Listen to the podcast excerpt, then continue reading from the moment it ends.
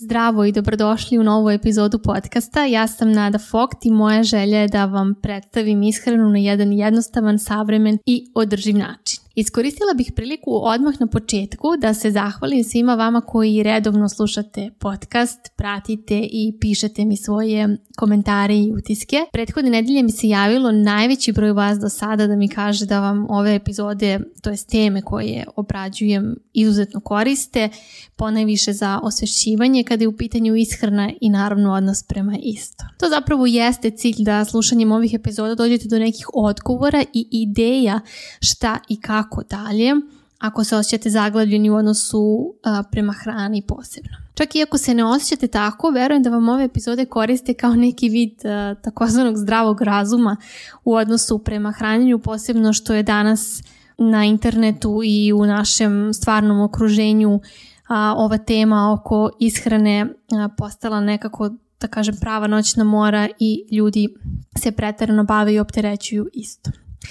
Hvala također što delite podcast, to svakako mnogo znači da doprem do većeg broja ljudi, to jest žena i na taj način im pomognem da na jednostavan način formiraju svoje korisne zdrave navike i da zaobiđu sve moguće trendove i dijete kada je u pitanju na ishrana.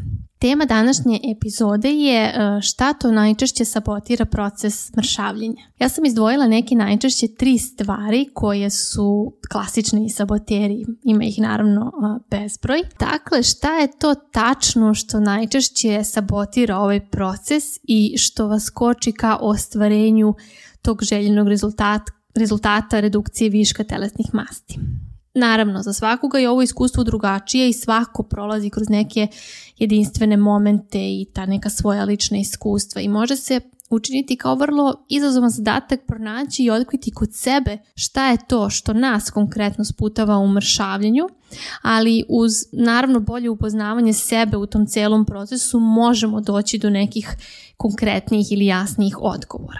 Za početak, manje kritike, manje osuđivanja, malo više saosećanja i kao najbitnije, manje fokus na šta, već fokus na zašto i kako. Pre nego nastavim dalje, obaveštavam vas da program Rebalans trajno mršavljenje od 5. juna otvara svoja vrata za prve članove.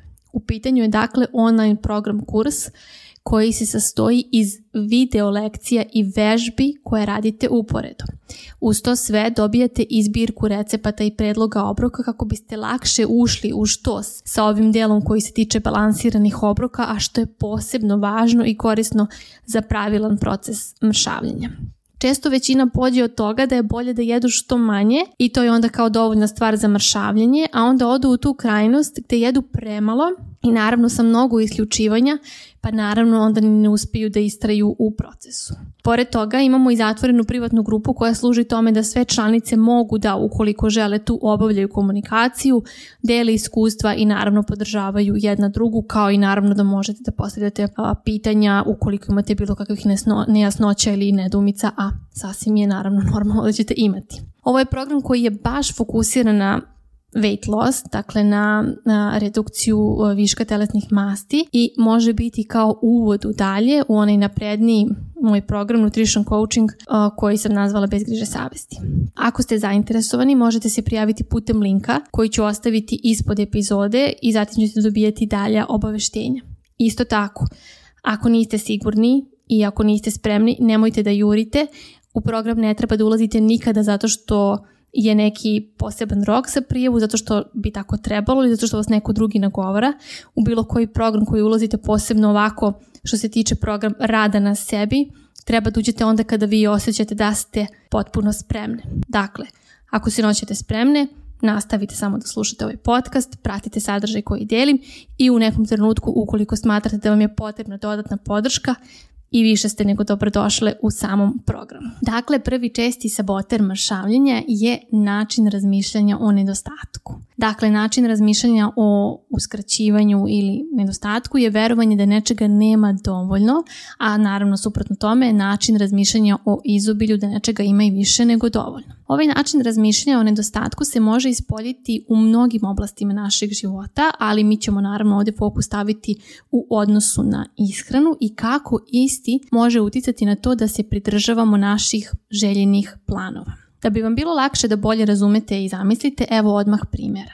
Kada neko odluči da krene u proces mršavljenja, 99% ljudi će automatski bez razmišljanja razmišljati o tome šta je to što treba da isključe da prestanu da rade. Što i nije začuđujuće jer upravo na takve savete najčešće će te i naići poput ako želiš da smršaš moraš prestati da jedeš ovo ili ono ili moraš prestati da radiš ovo ili ono. I to je ono što nas zapravo na neki način kao katapultira na to mjesto straha i nekog nedostatka. I često kada radim sa ženama, ako ih pitam kako su, šta se kod njih dešava, one će početi da mi nabrajaju tonu stvari kojima su nezadovoljne, a sa druge strane ima isto tako tona stvari kojima jesu ili bi mogle da budu zadovoljne, ali ih nekako potiskuju i stavljaju u stranu. Zato i volim da razgovor započnemo sa time šta je to dobro što trenutno radiš, čime trenutno jesi zadovoljna. Evo baš jedan divan primjer od pre neki dan kada smo imali mini grupni Zoom call jedna klijentkinja je navela primjer kako je uvela jednu malu promjenu na koju je ponosna. Recimo počela je da kada ide u restoran, umjesto naručivanja nekih kalorijskih pića, počela je da naručuje kiselu vodu. Ona kaže da to njoj ne čini neku značajnu razliku u samom ugođaju, a naravno da na kraju dana čini razliku da li ćete uz obrok uneti dodatnu energiju putem pića. Ovdje naravno nema ništa loše da vi naručujete piće koje vam se pije, pa bilo to i neko super kalorijski gusto. Više se radi o tom osvešćivanju i kreiranju balansa. Da, ako mi je sve jedno ili ako iz neke nesvesne navike mahinalno naručujem pivo, sokove, neka druga pića, možda probam sa vodom ili nekim zero napitkom, pa vidjet ću kako mi prija. I eto, ona je baš rekla da je njoj to jako prijelo, a prijelo je jer je bilo spontano i u skladu sa njenom odlukom šta je za nju u tom trenutku bolja opcija. I nije se vodila idejom, jao ne bi trebalo, ne bih smela, već je kako je i osjetila, tako i postupila. Što ne znači da neki od narednih puta ona neće naručiti sok ili pivo ili alkoholno piće, ali kada to odluči bit će svesna odluka, a ne po navici daj mi ovo, ni ne mislim šta pijem ili jedem.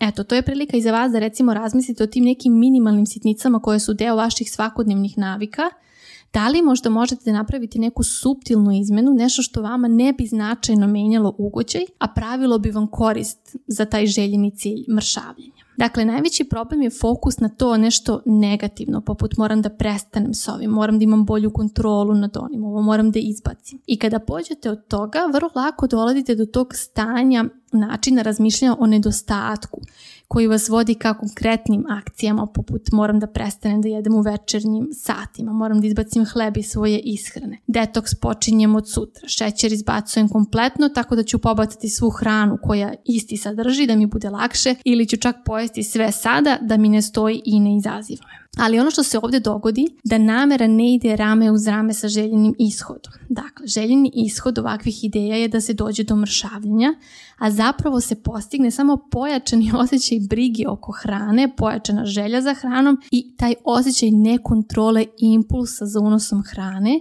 i to je onda što vas samo sputava da dostignete svoj željeni cilj. Postoje također brojne studije iz oblasti psihologije ishrane, što na deci starijeg uzrasta, što na odraslima i tu se kod svih javlja ista stvar, a to je da kada im se kaže da je od sada nešto zabranjeno od hrane, pa bilo to čak i nešto što oni inače i ne vole ili im inače i ne kod svih se javlja isti efekt, a to je intenzivno razmišljanje upravo o toj zabranjenoj hrani. Evo ispričat ću vam i ja svoj lični primjer. Kada sam bila u osnovnoj školi, aktivno sam se bavila plesom i bila sam takmičar. To je sve naravno podrazumevalo da imamo malo ozbiljniji pristup treninzima, pa i samoj ishrani. I imala sam konsultaciju sa nekom sportskom nutricionistkinjom koja je rekla da nikako ne treba da idemo u McDonald's i tamo ne smem bilo šta da jedem. A to je upravo onaj period života kada idete minimum jednom u dve nedelje sa društvom i tamo jedete. Bez obzira što ja nisam imala višak kilograma, naprotiv, čak bi si rekla da sam bila neuhranjena. Takva mi je genetika jednostavno. Ona je to više kao opšti predlog dala za neki bolji sportski performans. I šta onda mislite da se dogodilo nakon te konsultacije? Pa sve o čemu sam ja mislila jeste bilo kako u Mek nikako ne smem da idem, ne smem to da jedem i naravno to onda postaje ono što sam ja najviše u tom trenutku želela. Ja sve što sam želela i maštala jeste bilo da jedem u Meku. I šta ovdje može da pomogne? Upravo način razmišljanja usmjeren na dodavanje i obogaćivanje. A kako se to radi? Ovako. Za početak posmatrate svoje misli.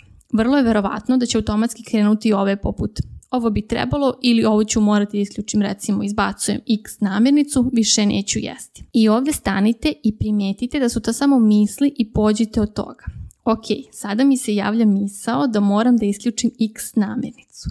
Znam da ako pođem tim putem, nema više x namirnice, to će, samo da pojača moju čežnju i žudnju za istu. Zato ne padam na tu prvu misao da isključujem x namirnicu, već ću sebi dati dozvolu da razmislim šta još mogu da uradim. Šta je to što možeš da počneš da radiš? Šta je to što možeš da dodaš čega želiš da imaš više. Da li ćeš dodati više povrća svojim obracima? Da li ćeš uz doručak dodati neku voćku? Pićeš više vode tokom dana? A, tako da počneš da vežbaš taj način razmišljanja o dodavanju i obogaćivanju, a da način razmišljanja restrikcije polako slabi. Sigurna sam da svaka od vas može da kaže da nikada ne uživate ni u čemu što podrazumeva bilo kakvo uskraćivanje gdje stalno razmišljate o tome šta ne smete. To je ono kao kada u školi ili na poslu učitelj šef vas pohvali, vi ćete automatski imati želju da nastavite na tome da radite i da budete jednako ili više produktivni. Ali ako vas neko kritikuje i kaže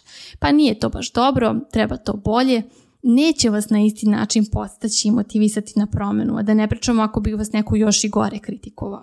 I ovaj način razmišljanja o nedostatku je nešto što je zapravo sasvim očekivano da imate upravo kao posljedicu na silne godine ograničavanja i uskraćivanja usled raznih dijeta. Prosečna žena kada vidi parče torte, prva pomisao će biti uh, ovo je ono što bi trebalo da izbegavam, ovo je ono što mi šteti liniji, ovo je ono što ne smem. I imaće želju ne samo da pojede to jedno parče, već cijelu tortu.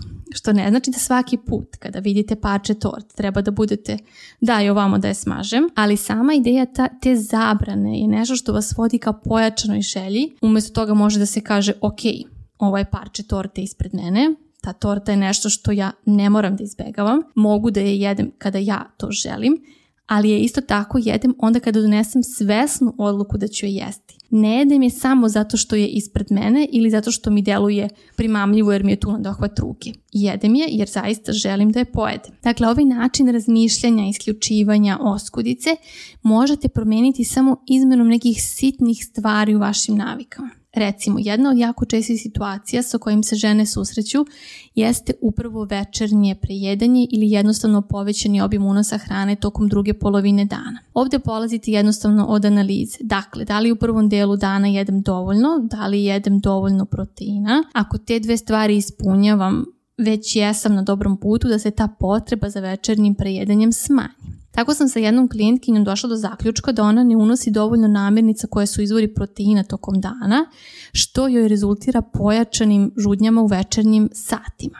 Onda smo se dogovorile da ima jednu proteinsku užinu u podne, uz naravno obraćanje pažnje da su preostali obroci dobro izbalansirani i dogodilo se to da je došla na sastanak i rekla ja ne da uveče više ne jedem sve i svašta, meni to čak ni ne padne na pamet. I ovdje napominjem, nije kod svakoga isto, jer nije isti uzrok toga. Neko može da doda i pet proteinskih užina i da opet ima uveče taj nagon, jer je uzrok nešto sasvim drugo. Ali eto, može biti i nešto ovako jednostavno. Dakle, nije bilo kako da sprečim uveče sebe da navaljujem na hranu, već je bilo šta mogu da dodam ili uradim za sebe tokom dana, pa će onda to uveče samo od sebe biti slabije ili će nestati. Zatim primjer broj 2 klijentkinja koja uz spremanje večere za sebe i porodicu usput gricka raznorazne grickalice. Ovdje je problem bilo to što je ona toliko gladna da ne može da dočeka da tu večeru dok je spremi i onda se služi lako dostupnim opcijama dok tu hranu sprema. Tako da ona tim grickanjem unese praktično isto energije kao i potom tim narednim obrokom, Ovdje je dakle bila ideja da se uvede druga užina koja je između njenog ručka i večere kako ne bi imala ovaj napad. Dakle, nismo išli sa planom kako da sprečimo da ona ne gricka dok sprema večeru u smislu da smo rekle izbaci sve što imaš od grickalica, ćuti, trpaj, spremaj večeru, mrtva gladna, strpi se. Već smo pokušali da vidimo šta je to što ona može da doda svom danu i da time indirektno izostavi to grickanje. I tu je isto bilo relativno jednostavno. Tačno joj je nedostajala ta mala užina, nešto da joj da mini boost energije i da je održi do te planirane večere. Onda je i sam ugođaj večere bolji jer nije prethodno najedena koje čime. Hrana je naravno najukusnija kada smo zaista fizički gladni i to je nešto što se verujem uh, svaka od vas slaže sa mnom. Evo i trećeg primjera. Jedna klijentkinja je imala ritual da uveče sa svojim partnerom uz film ili seriju obavezno jede sladoled.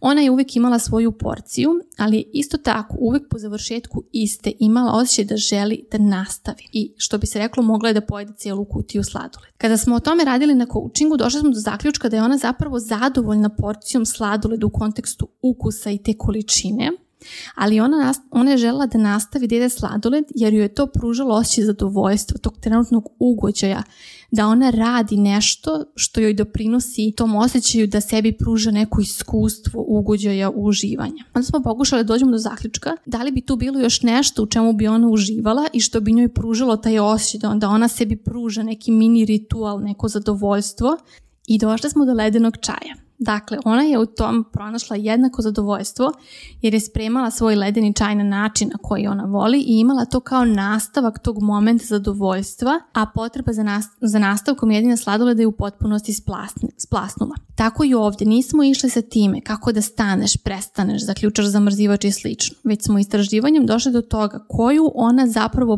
potrebu zadovoljava time i da li postoji još nešto čime bi ona mogla da se zadovolji. Ovo ne mora biti hrana, moglo je da bude bilo šta drugo u pitanju. Bitno je da sebe spriječite u pokušaju načina razmišljanja aha, moram da stanem sa sladoledom, ne smem, ne treba, već da vidite šta je to što u ovom slučaju sladoled vama pruža i da onda pronađete još nešto što bi vas isto tako zadovoljavalo. I ovdje ne govorimo da ne treba taj sladoled da pojedete, ne govorimo umjesto da jedeš sladoled spremi sebi čaj, taman posla. Ovdje govorimo o toj želji da se nastavi sa jedenjem nečega, evo sladoleda, bez obzira na već postignuto zadovoljenje potrebe sladoledom kao hranom. Možda je neka od vas to već osjetila, zapravo sigurna sam da jeste, je većina vas to osjetila. Ali zaista jeste posebno kada je u pitanju ova hrana jačeg intenziteta ukusa. Dovoljna je porcija toga. Dve, tri kugle i vi ste stvarno onako prijetno zadovoljeni. A sve preko toga je klasično pretarivanje i prejedenje sa bilo kojom hranom. To je ono kad se kaže, um, ne znam, štangla čokolade ti je u suštini zaista stvarno dovoljna. I kada razmišljate iz te perspektive da nema zabrane, da nema oskudice, da vam je ta čokolada dozvoljena, vi zaista možete da se fokusirate, date sebi puno uživanje jedući tu jednu štanglu čokolade i da shvatite da vam je to stvarno bilo dovoljno. Jer čokolada nije hrana, to nije nešto što jedete da bi vam dalo ne znam kakvu energiju, da biste dobili neki nutrijente. Čokolada je nešto što jedete zarad uživanja te senzacije ukusa. I onda je ta manja količina to što vam je sasvim dovoljno da biste u istoj uživale. Zatim, drugi veliki saboter je potreba da mikro upravljamo svakim detaljem što telesnom masom, što navikama, brojem koraka, kalorija, makrosima, čime god, bilo koji vid mikroupravljanja. A to mikroupravljanje je kada pokušavamo da rigidno kontrolišemo sve što se tiče našeg zdravlja, naših navika, kao i željenog cilja. I to je nešto što nam je nametnuto kao norma koja mora da se ispuni ako želimo da imamo uspjeha u tom svom cilju mršavljenja ili ostvarivanja nekog wellness cilja. I oslikava se tako što se dolazi do toga da svaka odluka u jednom danu koju donesete se odnosi na to kako će recimo uticati na vagu sutradan, šta će vaša vaga sutradan pokazati na vašem kontrolnom merenju. To je kada pokušavamo da mikro upravljamo telesnom masom. Zatim možemo pretarano kontrolizati svaki zaloga i svaki obrok tu se udubljujemo u hranu, možemo se udubljivati u brojanje koraka, kilometara putem onih gadgeta za praćenje i merenje i samim tim to nam može stvarati na neki način stres ako ne ispunjavamo ono što smo zamislili da treba. Kada je u pitanju praćenje hrane i unosa iste, tu se najčešće desi takozvani domino efekat, gde ako ne idemo po tom nekom zamišljenom planu, poput recimo jela sam više, eh, sada ću to onda dodatnim vježbanjem da neutraličem i slično. Dakle, jedno onda povlači drugo. Ova metoda mikroupravljanja ili mikrokontrole je pre svega jako iscrpljujuća. Iako se nekima prividno može činiti kao jedinstveni način samokontrole.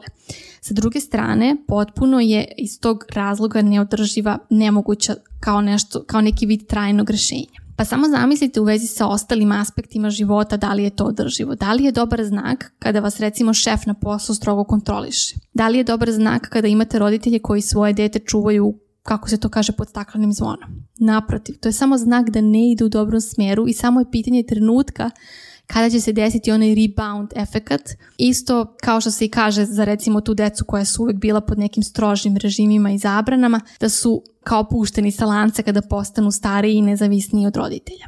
Na primjeru ishrane to najčešće jeste recimo brojanje kalorija i makronutrijenata, kada sklizne u obsesiju, a uvijek je tako jer su u pitanju brojevi i u ljudskoj prirodi je da ako brojimo jedno, želimo i preostalo, pa se onda zarobljavate u tim, u tim stalnim računicama šta i koliko ste čega pojeli. Bukvalno ne možete da pojedete nešto dok ne pogledate nutritivne vrednosti i ne sračunate da li se uklapa ili ne.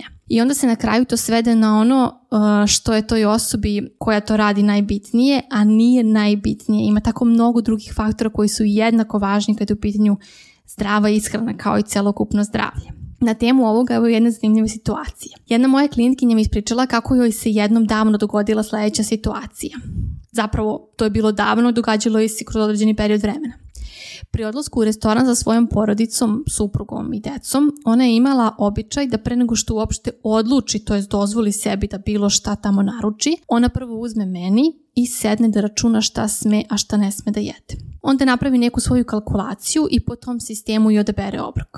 To svakako oduzme dobar deo vremena, pa i same energije. A zamislite da sve može mnogo drugačije, da ona dođe, bude fokusirana na trenutak sa svojom porodicom, da uživa u ambijentu restorana i naruči ono što bi joj se od srca istinski jelo. Pojede to, zadovolji svoje čulo ukusa, naravno i samu glad i nastavi dalje. Ali ona ulazi u restoran pod pritiskom misli da nikako ne sme da odluči šta će naručiti pre nego što dobro izuči meni i sračuna se ne samo da je to opterećenje, iako ona možda u tom trenutku to i ne doživljava tako, već naprotiv njoj to pruža neki prividni osjećaj kontrole i toga da ona kao brine o sebi i svojoj ishrani. Dakle, ne samo to, već ona apsolutno nije u tom momentu prisutna sa svojom porodicom, uopšte ne uživa u trenutku i kako će se sećati ona te posete restoranu. Verovatno dobrim delom da sedi i kalkuliše taj meni.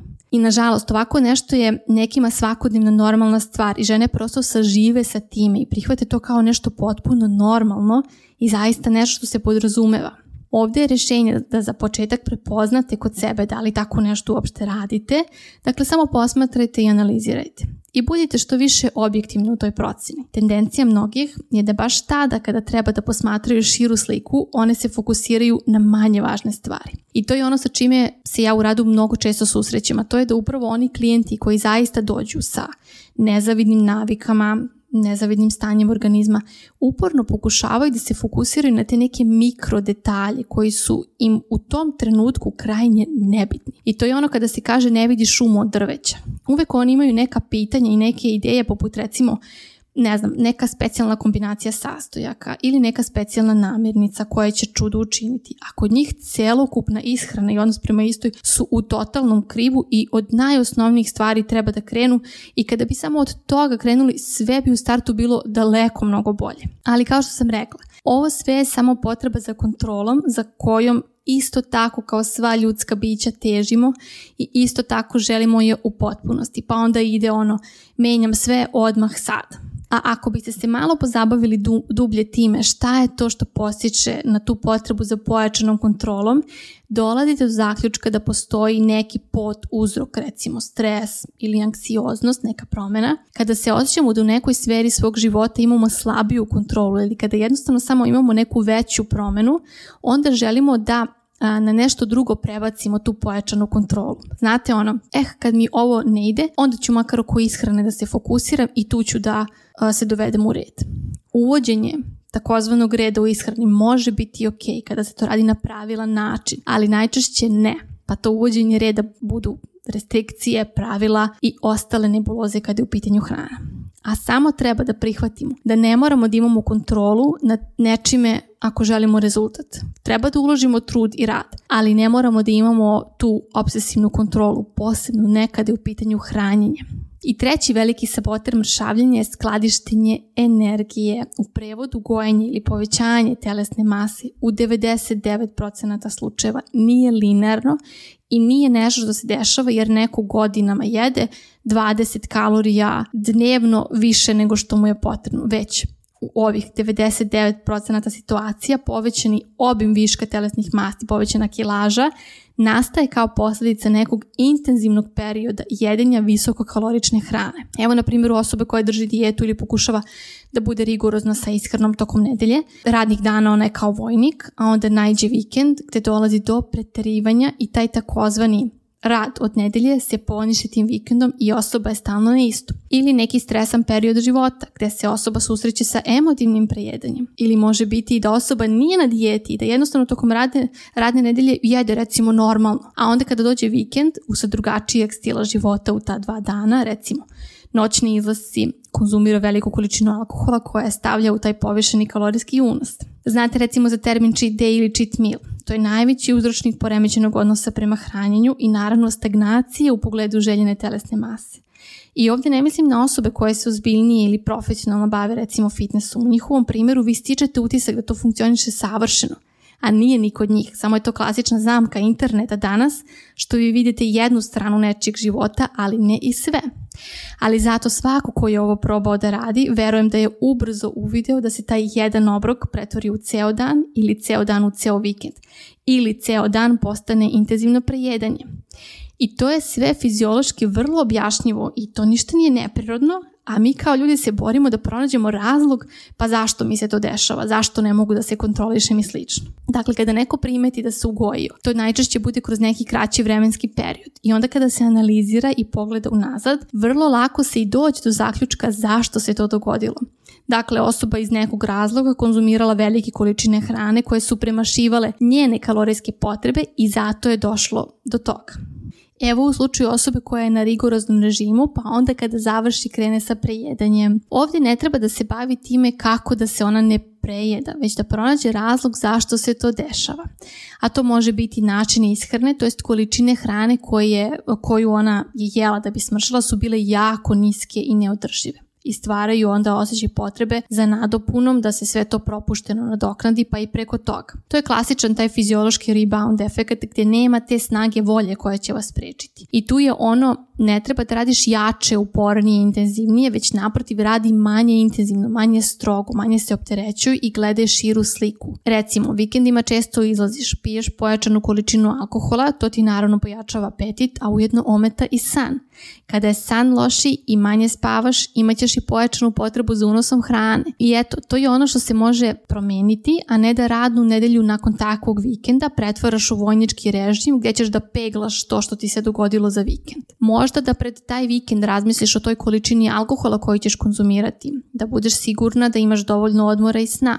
Možda ne mora svako naručeno piće da bude alkoholno i slično. Sada to je neki opšti banalni primer, ali eto, tek toliko da steknete bolji osjećaj. Ili kada se javi povećanje kilaže usled nekog stresnog perioda. Recimo, studirate, spremate ispit ili radite na nekom zahtevnom projektu. Znate ono čuveno, kricnuli biste nešto na svakih pola sata. I to treba osvijestiti da to nije potreba za jelom usled gladi, to je ta fizička potreba. To je potreba da na trenutak pobegnete od toga šta radite.